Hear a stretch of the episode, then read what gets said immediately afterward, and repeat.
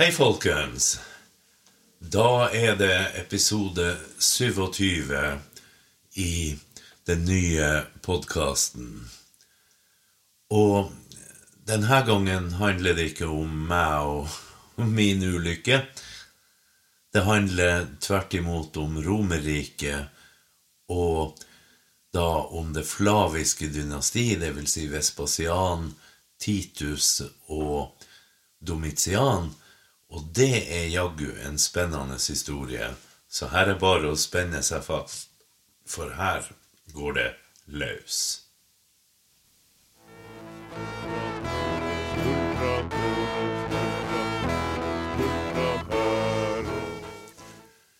Grunnleggeren av det flaviske dynasti var jo Vespasian. Han ble sendt først til Palestina, altså dagens Israel, for å slå ned det jødiske opprøret som pågikk da. Så han ble sendt dit i 66. Og det var nå det. Det ble en brutal krig, og ganske så voldsom. Men underveis, mens da Vespasian var i ferd med å avslutte felttoget ved å storme Jerusalem, så ble han tilkalt til Alexandria, til offiserer der, som spurte om han kunne tenke seg å være keiser. Året 69 var jo kaosåret i Roma. Det var fire keisere på rad. Galba, som gjorde opprør mot Nero. Nero tok livet sitt i 68, så han ble ikke telt med i, i de fire. Men Galba gikk inn i Roma i starten av 69. Han gjorde en del store tabber som gjorde at pretorgarden gjorde opprør mot han. Og ja, rett og slett høgde han ned og kasta likene til han og etterfølgeren i kloakken. Kort og godt, de jo løfta jo da Otto til keisertrona, men da hadde jo allerede Vespasian Nei, ikke Vespasian. Da hadde jo Vitellius begynt å marsjere sørover fra Gallia, hvor han i sin tur møtte Otto i Nord-Italia, og etter et ganske voldsomt slag der som Otto kunne ha vunnet hvis han hadde venta på forsterkninger som skulle komme sørfra, så endte det med at Otto tok livet sitt for å, å rett og slett sikre fremtida til romerne. Så dermed var det Vitellius som var på tronen. Og han var jo fryktelig glad i god mat, og han hadde jo ikke dårlig tid nå som ja, rivalen var blitt rett og slett nedkjempa. Så han drev jo og spiste seg vei nedover nedover Italia. Og hadde all verdens tid.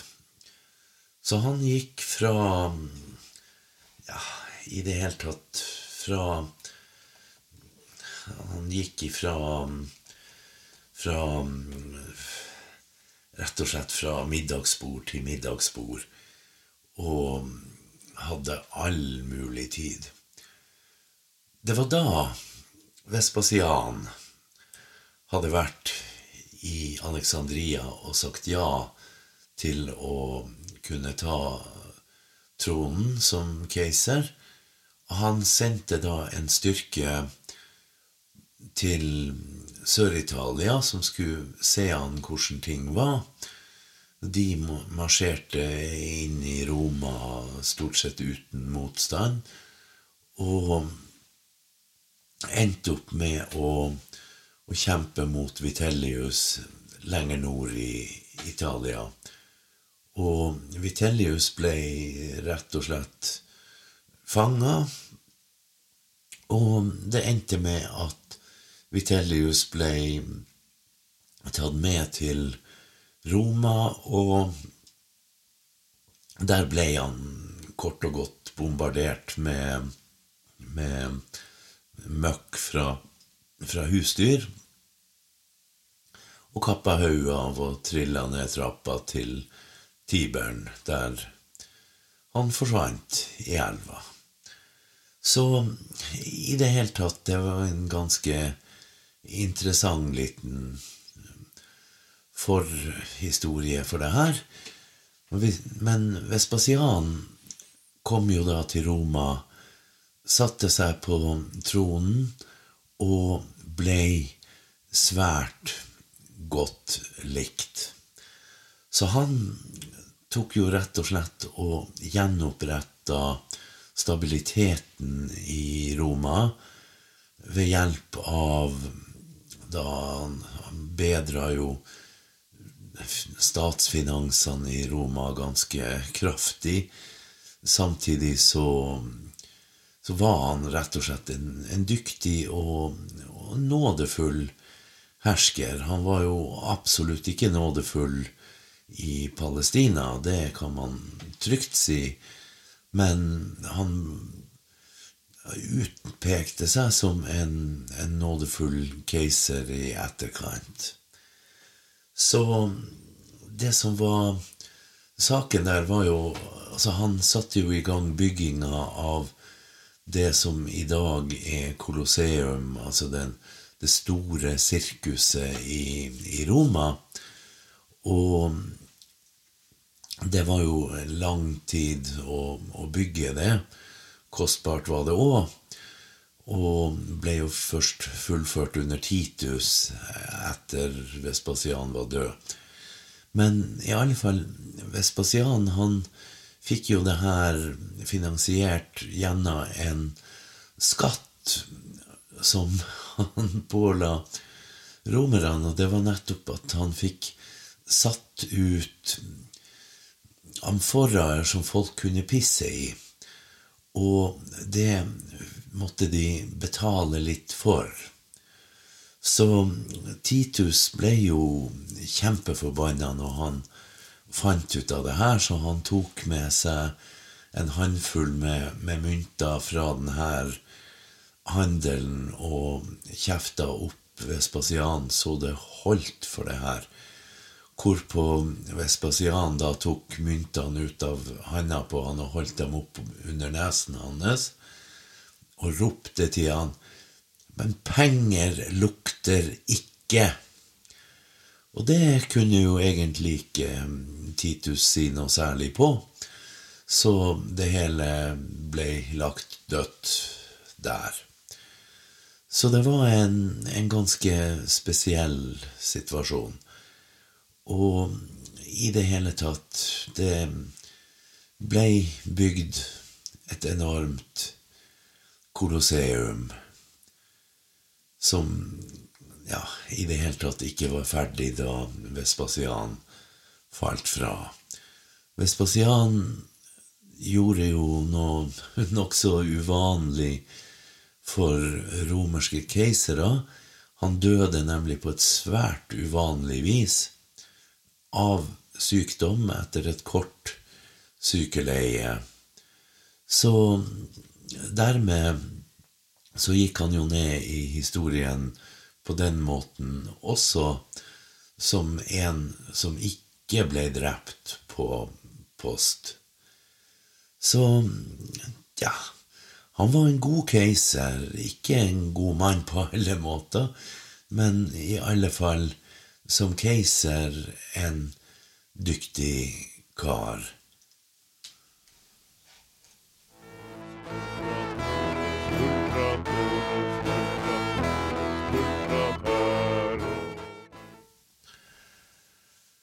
Nestemann til å ta over som keiser var jo da Titus.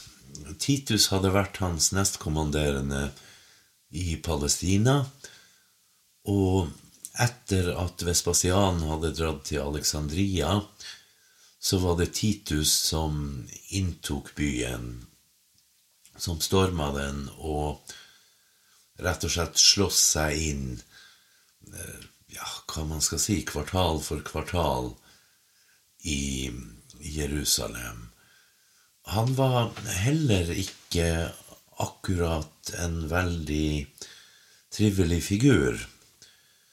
Tvert derimot, han gjorde jo noe ganske brutalt. Han endte jo med Altså, det var jo sånn at innbyggere i Jerusalem, de ville, ville stikke av fra byen for å unnslippe sult og nød og alt som hørte med.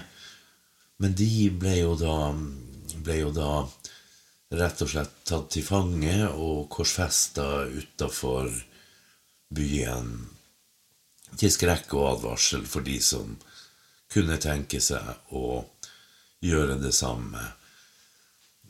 Soldatene hans hadde jo etter hvert hørt rykter om at jødiske flyktninger de svelgte Svelgte juveler og smykker og sånn type ting for å holde det sikkert. Så de skar gjerne opp magen på folk som hadde flykta fra byen, med magert resultat, vel å merke. Og de Ja, i det hele tatt, de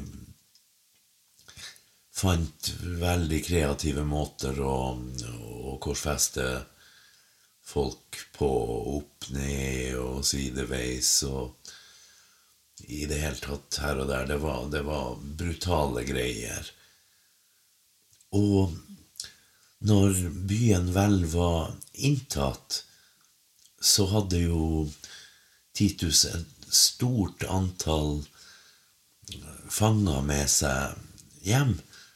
Og de fikk han rett og slett korsfesta med korte mellomrom langs veien tilbake til Roma. Så de korsfesta 6000 mennesker på veien hjem fra Jerusalem. Det er en ganske heftig måte å, å ta seg av folk på. Og gjenstående Gjenstående fanger ble jo brukt som gladiatorer og sånt, og slåss til døden underveis på, på forskjellige sirkussammenhenger. Så det var, for å si det veldig mildt, en, en brutal tid. Det er det ikke noe tvil om. Men da Titus tok tronen, så skulle han vise seg å være en veldig nådig og trivelig herremann.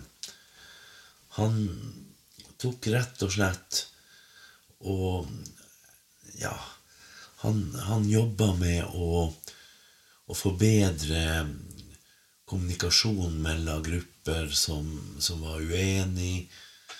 Han gjorde ganske mye for at, at ting skulle bli bra i Roma.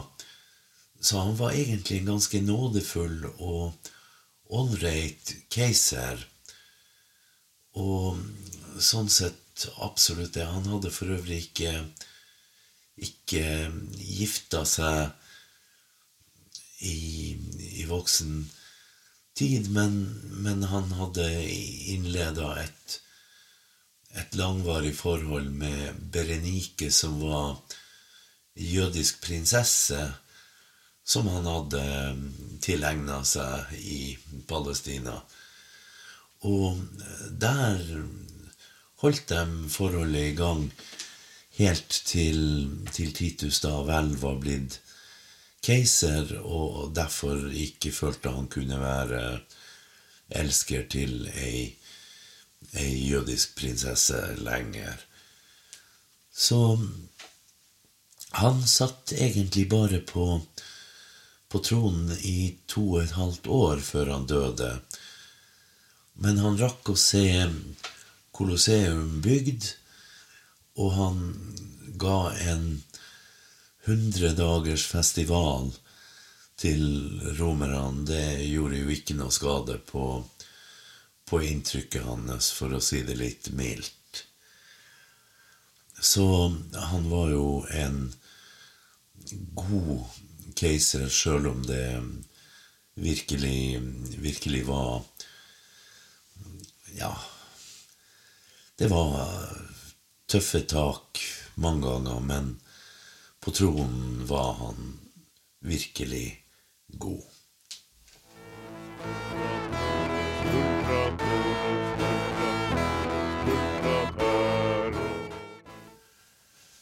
Og da skal vi inn til den siste keiseren i det flaviske dynasti, nemlig Domitian. Han satt jo lenge som keiser. Det er ikke noe, noe spørsmål om at han gjorde det. Han ble født i 51 og døde da i 96. Han var jo, han var jo den siste keiseren i det flaviske dynastiet. Det er ikke noe, noe tvil om. Resten av historien rundt han er jo omgitt av litt sånn forskjellig Hva man skal si Litt kontrovers. Og det er jo fordi at han ble jo snikmyrda til slutt. Og ble etterfulgt av Valens. Og de som da har skrevet ettermælet til Domitian, de beskrev han jo ikke akkurat veldig bra. Men det er jo også mye fordi at de følte et behov for å holde seg inne med Valens, og da ta avstand fra forløperen, som jo var blitt drept. Og derfor så må man jo se litt kritisk til en del av det som er skrevet om han, samtidig som det helt klart ikke var bare mm, velstand, for å si det litt mildt.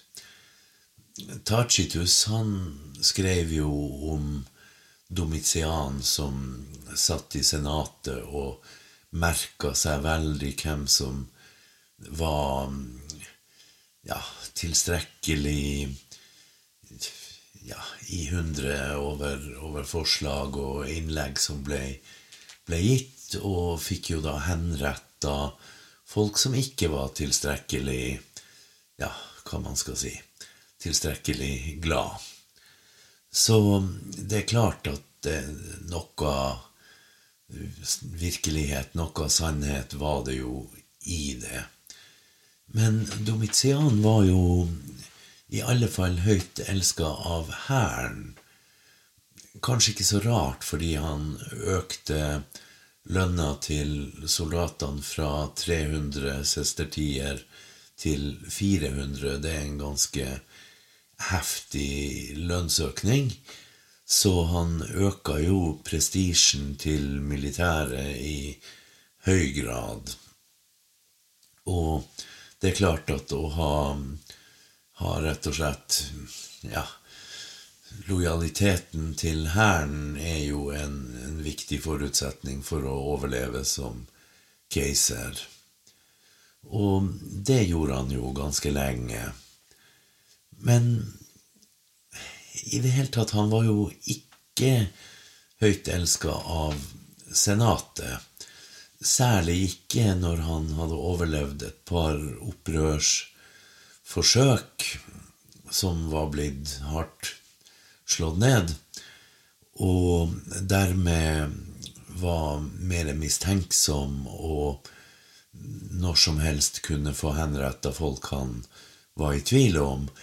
Og det gjorde han. Han uttalte vel at da en keiser som ikke henretter folk, er ikke keiser, han er bare en heldig mann.